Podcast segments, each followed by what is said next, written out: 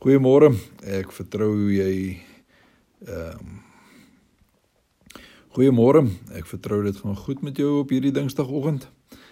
Ons reis voort deur die Psalms en ons is by Psalm 50 vanmôre. Psalm 50 is die eerste van die Psalms van Asaf. Hy was een van die hoofslang Hy was een van die hoofsangleiers van die Levitiese uh sangersgeslag in die dae van Dawid. Jy kan bietjie oor hom gaan lees daar in 1 Kronieke 6. Ehm um, nou getrou in die aard van 'n sangleier van formaat soos wat Asaf nou lyk my was, is die Psalm in die vorm van 'n liturgie wat lofsang as 'n steel deel van elke gelowige se geestelike lewe uitspel.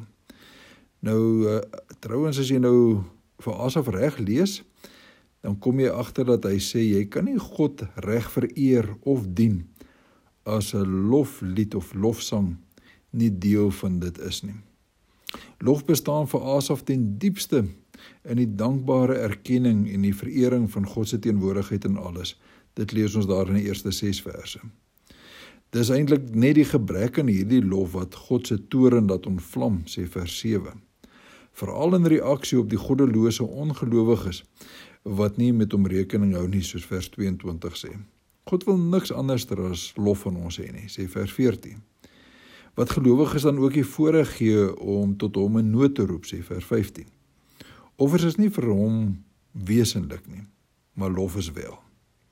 En komende nou van 'n amptelike liturg wie se familie baat gevind het by die offers, is dit nou nogal 'n 'n mondvol. En ons sal nou uiteindelik deur die psalms sien dat uh, Asaf was verantwoordelik vir 12 psalms waarvan Psalm 50 nou een is en dan daarvan Psalm 73 af uh vir die res van 'n klompie ander psalms.